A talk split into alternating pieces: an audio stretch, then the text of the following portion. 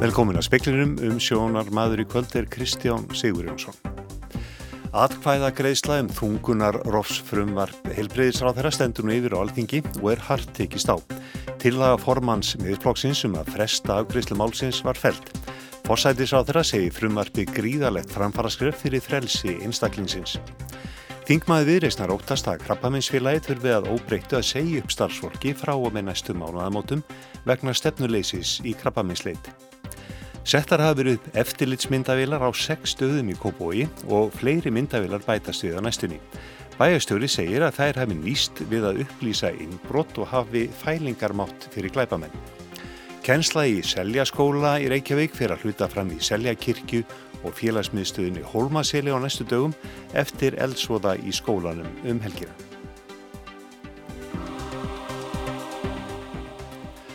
Frumvarp heilbreyðisáþra um þungun og rof var samþygt sem lög frá alþingi nú síðdeis. Tillaga Sigmundar Davíð Gunnlússonar, formans miðlflokksins, um að fresta afgreyslu málsins var feld en hún var meðal annars stutt af stjórnaliðunum Jóni Gunnarsinni og Sigriði á Andersen, þingmönum sjálfstæðisflokks. Jóna Víti Sjálfstæðdóttir er á alþingi. Jóna, það hefur sennilega verið rafmögnu spenna við þessa atkvæðagreyslu.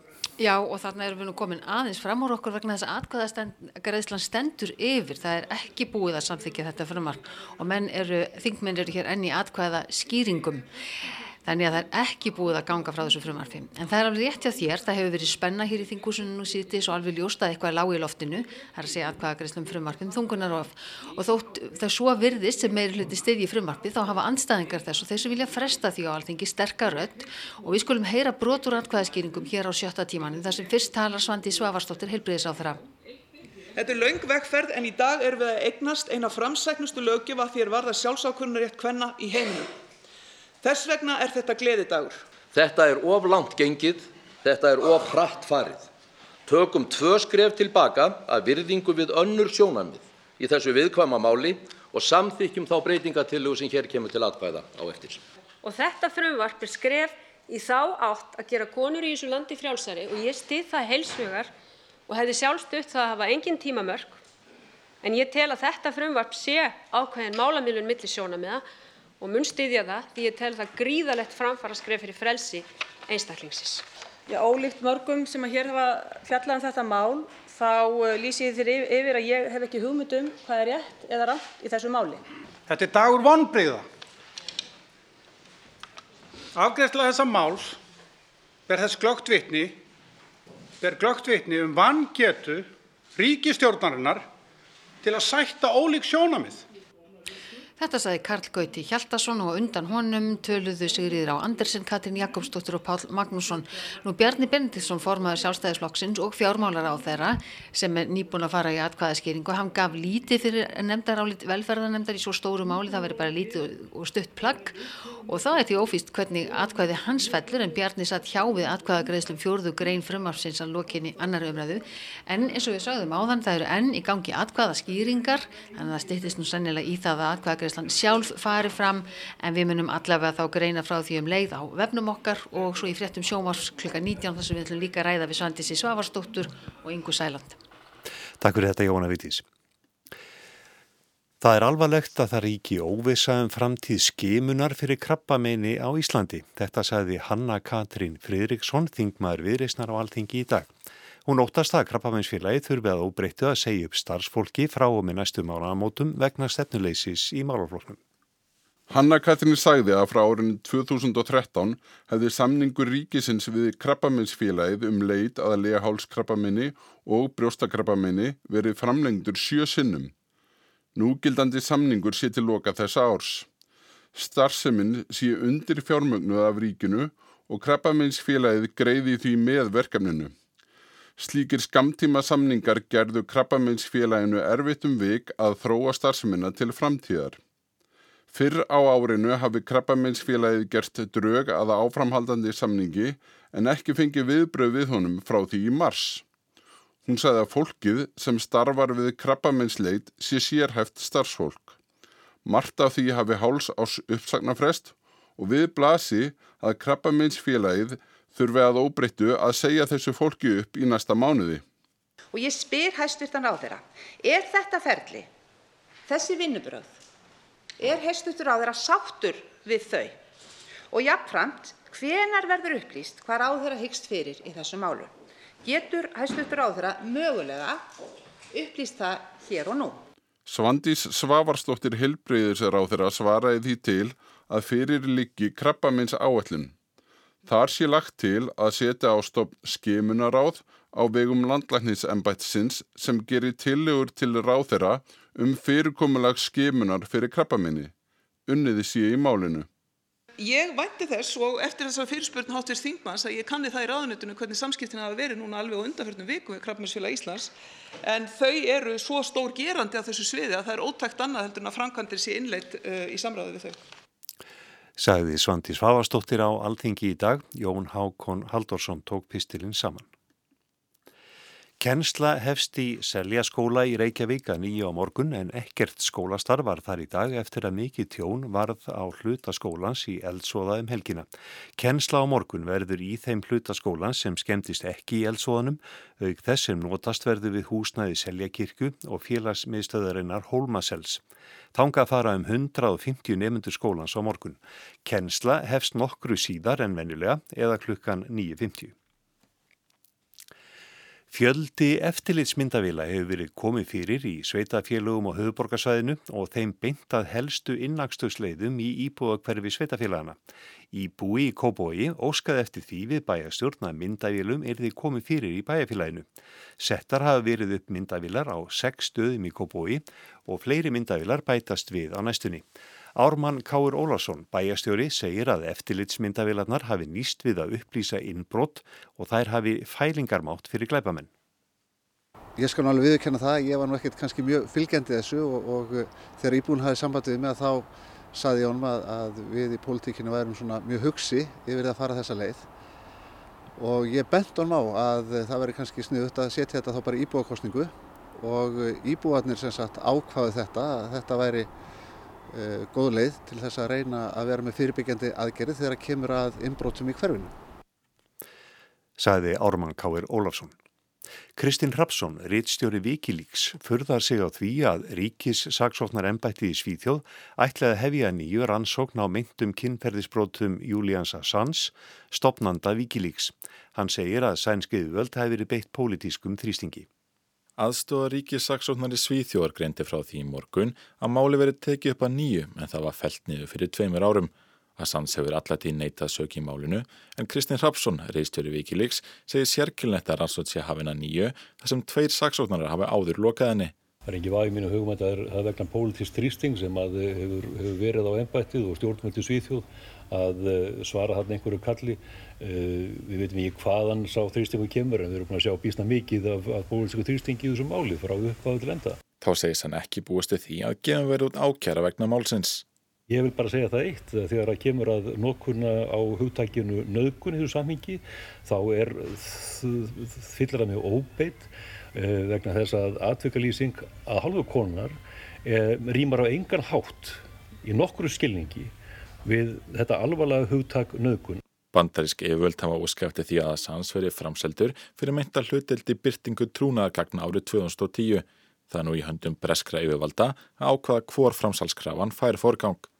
Svo bandarísk er náttúrulega svo sem allt snýst um, það er að segja sá einbeitti vilji Trump-stjórnarinnar að koma honum í fangelsi líklega eftir lífstíð. Saði Kristinn Rapsson, Yngvar Þór Björnsson rætti við hann. Fyrrum rítari enska fótbolltaliðsins Sheffield Wednesday var í dag dæmdur til þess að greiða 6.500 punta sekt vegna vannrækslu í tengslum við slísið á Hillsborough-vellinum í Sheffield fyrir 30 árum. Þetta er fyrsta sakfellingin í málaferlum vegna slísins þar sem 96 lítu lífið. Graham Markell var fundin segur um að hafa ekki gengið skugga um, snúning, um að nógu mörg snúningslið væru sett upp til þess að hleypa áhorfendum inn og út af vellinum.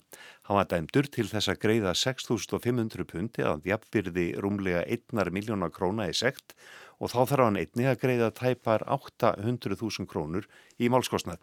96 áhorundu letu lífið í tróningum það leiti sem leikur Liverpool og Nottingham Forest í ennsk Enska byggarnum átti að hefjast í april 1989.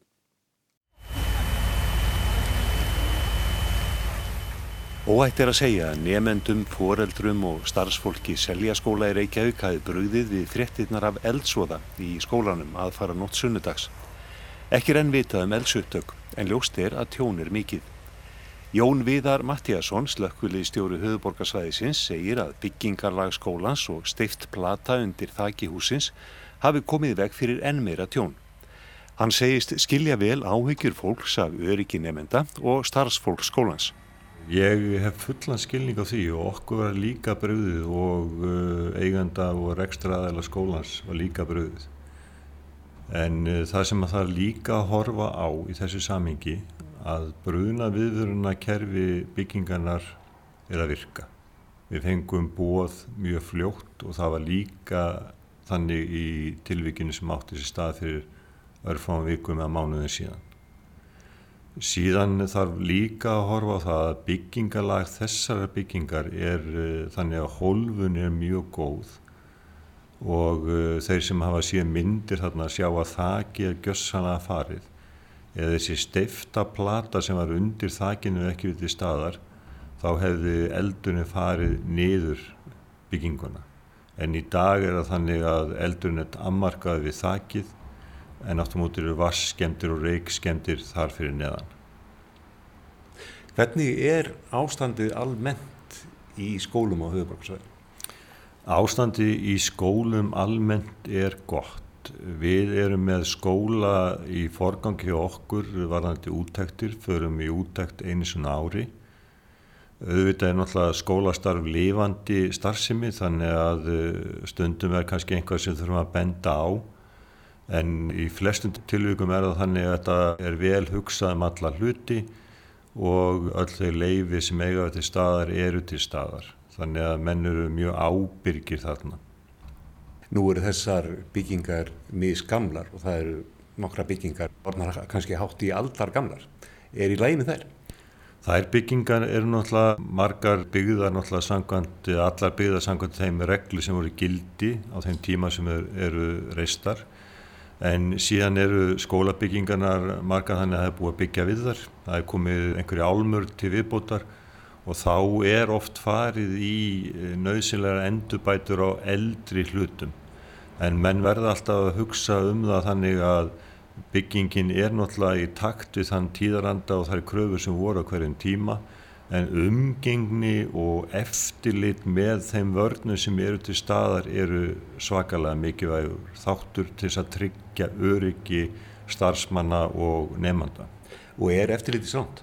Eftirliti er mjög stránt. Við förum eins og við segjum einu sinna ári og eh, eigandur skólana sem eru nú yfirleitt sveitafélagin eða ríkið hér á höfubáksvæðinu þetta eru eigandur sem að vilja hafa hlutin í lægi og til dæmis má segja að einn mikilvægur hlekkur í skólastarfinni er það að landsamband slökklus og sjúkvæðingamanna er með æfingar einu svona ári í þessum byggingum þar sem er farið í ákveðin bekk og uh, farið yfir brunavarnir og menn uh, þá þjálfarunu rýmingu skólan sem að skólastjórnundur gera síðan nokkru sinnum yfir árið, misjaflega oft eftir skólum þannig að nefnundur og kennarar eru þjálfaðir.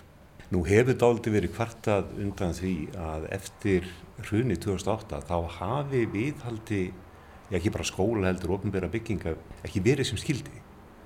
Er þetta samanlega því? Það má alveg færa fyrir því rauk að hlutinu hafi svona dreyist aðeins að drabbast niður. Við til dæmis eh, fengum upplýsingar og sáum það sjálf hérna hjá okkur að fyrirtæki voru að segja upp uh, vöktunarsamningum á brunavöðunarkerfi og vassúðarkerfi og viðhaldssamningum en uh, ég hef þá tilfinningu að menn séu að breyta alltaf um takt núna og það er alltaf hraustlega og svo náttúrulega hafa líka brunar sem hafa því miður verið og margir síðustlinni misseri og stórir ítt við fólki. Er eitthvað sem að menn flaska á í brunavörðum, forvörðum? Það er einna helst eh, sá hlutur að þegar þú ert að byggja mannvirki að þá ertu oft með eh, þá sínherri nú er ég búin að byggja og ég þarf ekkert að huga því meira. Menn hafa kvarta yfir að viðhald sé slæmt, menn hafa kvarta yfir til dæmis að viðhald hafi leitt til miklu. Sama á við brunavarnir eða brunavörnum er ekki sinn dagstaglega og hort til þeirra að þeir þurfa að vera í lægi og, og hreinlega bara með viðhalssamninga og annað, þá er svo fjárfesting sem fælst í brunavörnum byggingunni kannski einskins virði þegar uppi staðið. Svo komum aftur að uh, brunanum um helgina. Uh, getur fullirt að skólanir á höfuborgarsæðinu séu öryggir fyrir bönnin? Þegar maður kemur á öryggi þá þarf maður alltaf að hafa þá hugsun að maður sé aldrei búin að gera nóg. Það er svona grundvallar atriðið. En við getum allan að fullist að samstarf okkar við skóla yfirvöld og höfuborgarsæðinu eru til fyrirmyndar og við skinnjum ekki annað heldur en allir vilja hafa hlutin í lægi en svo náttúrulega er líka að horfa á það að stundum þarf að gera óheðbundna hluti í skólum almennt, þetta eru náttúrulega lifandi stofnanir.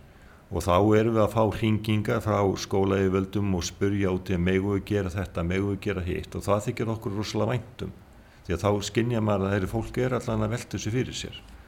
Þannig að ég held í raun og að stóri dómur ef að falla stóran dóm yfir skólum og höfubáksæðinu þá séu þeir til fyrirmyndar en, en ekkert er náttúrulega fullkomið. Þetta var Jón Viðar Mattíasson, slökkuli stjóri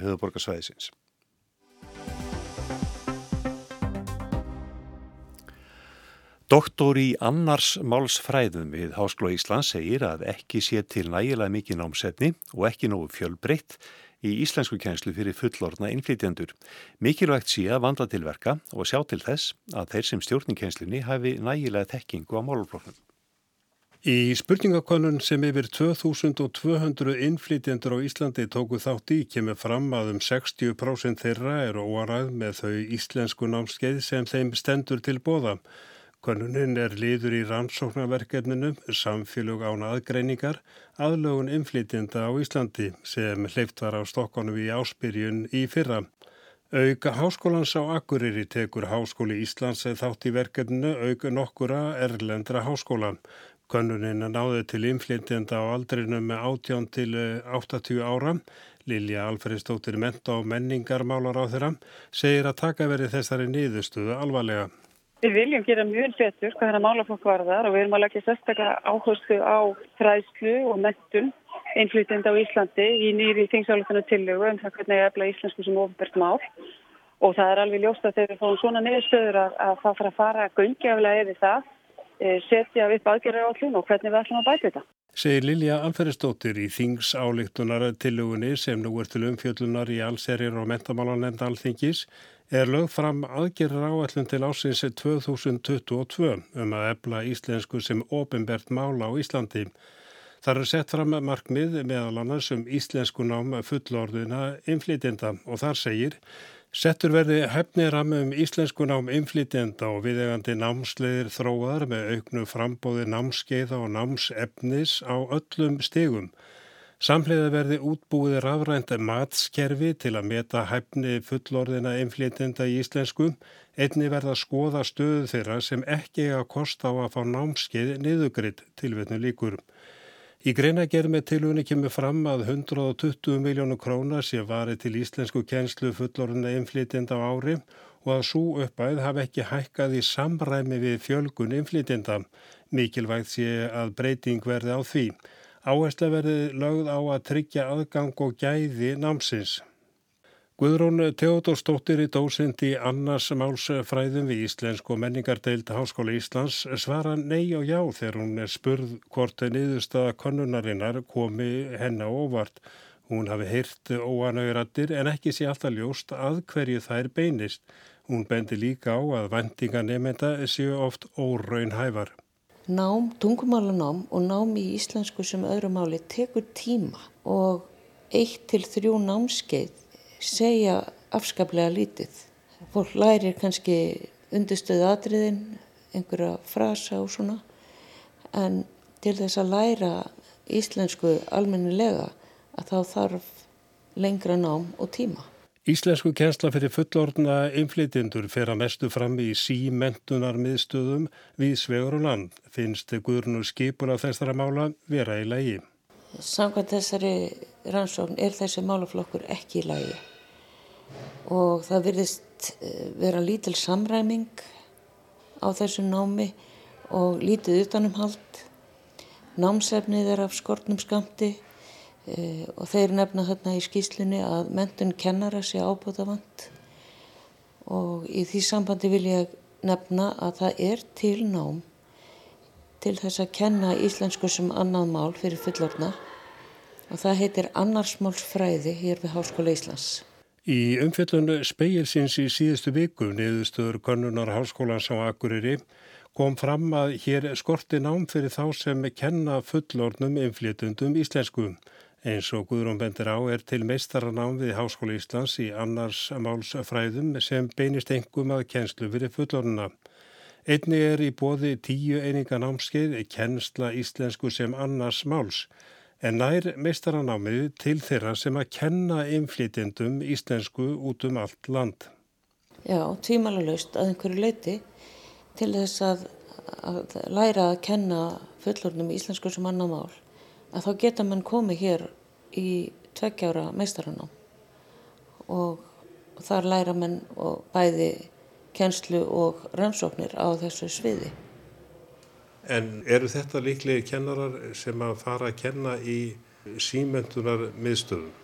Það er alveg klárt að símentunar miðstöðar og málaskólar þurfa og verða að gera þær kröfur til kennara að þeir hafi mentun í kennslu íslensku sem annars máls. Og þá eru þessir, þeir nemyndur sem klára mestarinámi hjá okkur að fara að kenna þar, já. Hún bendi líka á skort á námsefni og skort á samræmingu. Já, það er, eh, námsefnið er oftast eh, þannig að, að kennar er að búa til sjálfur vegna þess að það, það er ekki til nægilega mikið og fjölbreytt námsefni og, og það er auðvitað vandamál. Uppbygging námskeiða, henni getur verið ábáta vand, menn er ekki svona kannski alveg vissir um það hvað er alltaf að kenna og í hvaða röð og hvernig. Og það eru auðvitað gallið þetta þarf að vera það þarf að vera skipulag á hlutunum. Og kannski meiri samræming bara yfir landi það þarf einhvers konar já samræmingu Guðrúnei segir að það verða að koma meira fjármagn frá stjórnvöldum eins og kom fram hér að framann er mentamálar á þeirra áhuga sömum að ebla málaflokkin og það kemur fram í þingsálna til hennar sem likur fyrir alþingi. 120 miljónir fara árlega til kjenslu fullorðina inflytenda. Guðrún segir mikilvægt að þessu málum verði komið í betra horf. Já, stjórnvald þurfa að hafa samráð við sérfræðinga á málasviðinu á sviði íslensku sem annarsmáls og annarsmálsfræða og það þarf að vera samráð milli sérfræðingana og símentunum meðstöðana og stjórnvalda um það hvernig þessum málum sé best fyrir komið. En að auðsa fjármagni bara í eitthvað, það, það kemur ekkert óvart að menn séu óanað með það. Ég er óanað með það. Mér finnst að það þarf, það þarf að vanda til verka og sjá til þess að það fólk sem stjórnar þessu, að það hafi nægilega þekkingu á mólinu. Þetta var Guðrún Teodósdóttir, Arnar Páll Haugsson talaði við hana.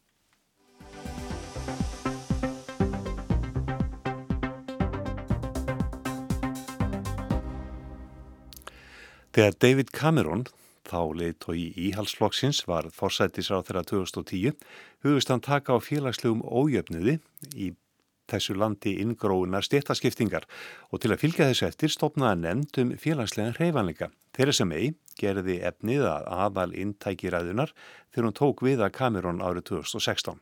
Síðan hafa þessi mál druknaði í Brexit og nýjasta skíslanemtarinnar er ekki uppörfandi lesning fyrir stjórnina. Það var sannlega tekið eftir því í júli 2016 að í fyrstu ræðunni sem Theresa May flutti sem forsættisráð þeirra talaði hún sérstaklega til þeirra sem minna mega sín í samfélaginu. Til þeirra sem vinna en kæmu samt vart af sem innum yrkran á milli, legðu sig fram en strítu samt við lélega afkomu. Stjórnennar myndi gæta þeirra hagsmuna, ekki hagsmuna fámennra forréttindahópa. If you're just managing, I want to address you directly. I know you're working around the clock. I know you're doing your best and I know that sometimes life can be a struggle. The government I lead will be driven not by the interests of the privileged few, but by yours. Þetta vildi mei líka hafa að leiðarljósi þegar Bredland utan Evrópusambandsins skapaði sér jákvætt hlutverk í heiminum. Bredland ætti að gagnast öllum, ekki bara fámönnum forréttindahópum. Í saminningu munum við öll, sagði mei, byggja betra Bredland. We will make Britain a country that works not for a privileged few, but for every one of us. That will be the mission of the government I lead, and together we will build a better Britain. May byggði á samfélagsstefnu forverans David Camerons en sló nýjan tón með þessari sterku skýrskotun til almennings. Almenningur væri hennar fólk, anstætt Cameron og forhennetahópnum í kringum hann. May í dáningstræti gerði strandtök í víi verkamannaflokksins og talaði beint til kjósandans. Verkamannaflokkurinn hafði góð ástæðu til að kvíða framtíðinni. En brátt vínaði samfélags orðræða May. Ári eftir án tók við sem fórsætsráð þeirra sagði öll nefndin um félagslegan reyfalega af sér. Nefndin sem Cameron stopnaði kvartaði yfir að May syndi efninu ekkið minsta og syndi enga fóristu þrátt verið fyrir bóðskap. Það bætti ekki skák þegar íhalslokkurinn tapaði þingmeira hlutanum í kostningunum 2017. Og svo er það Brexit, útganga breyta úr ESB. Það bólar enn ekki á henni glæstu framtíð góða Bretlands sem May lísti 2016.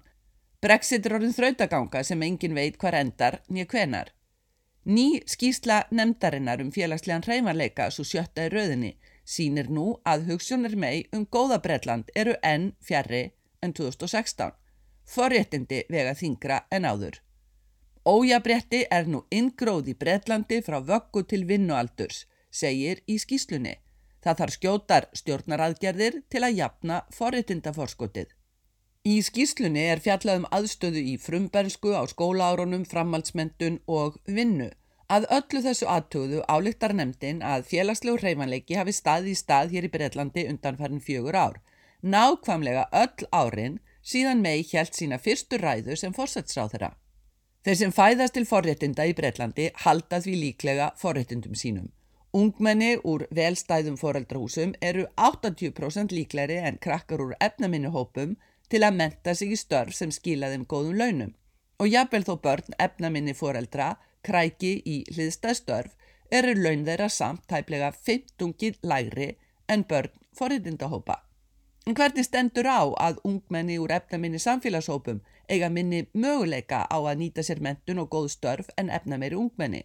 Einskýringin er að krakkar úr efnaminni samfélagshópum vita oft ekki nógu vel hver í bóði hverju þau gætu sóst eftir.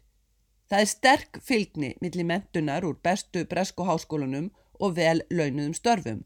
Þetta vita velmentaðir breskir fóreldrar giska vel og íta krokkunum í þessa átt. Efnaminni og ómentaðir fóreldrar eru ólíkleri til að hvetja börn til náms eða telja að það eitt að fara í háskóla sama hvaða háskóla skilir sér í betri launum, sem það gerir alls ekki endilega. Nemndin gerir ímsar tilugur um úrbætur. Fóreldrar sem vinna 16 stundur á viku eða meir eiga nú kost á 30 tíma ókipis leikskólavist á viku fyrir börn sín. Nemndin leggur til að viðmiðunin verði lækkunir í 8 stundir til að gera fóreldrum, kannski einhver maðurum, auðveldara að bæta hagsinn með vinnu. Einnig að fjárvettingar á hvert 16 til 19 ára nefnda verði auknar verulega og að enn meiru verði varið á hvern efnalíti nefnda. Brexit bytnar á svo mörgu hér í Breitlandi. Þegar saga valdatíma Theresa May verður skrifuð, gæti eitt kaplinn fjallað um hvernig hugssjónar hennar um félagslegt réttlæti kaffærðust í Brexit þófunu. Sigrun Davísdóttir sagði frá og atkvaða greisla um þungunarofs frumvarp. Helbreyðisráð þeirra stendur enn yfir á alþingi og er hart tekist á. Margin þingmenn gera grein fyrir atkvaði sínu. Til að forma smiðflokksins um að fresta afgreðslu málsins var feld en fórsættisráð þeirra segi frumvarpi gríðalegt framfaraskref fyrir frelsi einstaklingsins. Það er ekki fleiri speklinum. Tæknum aður var Daníð Bensen, verið sæl.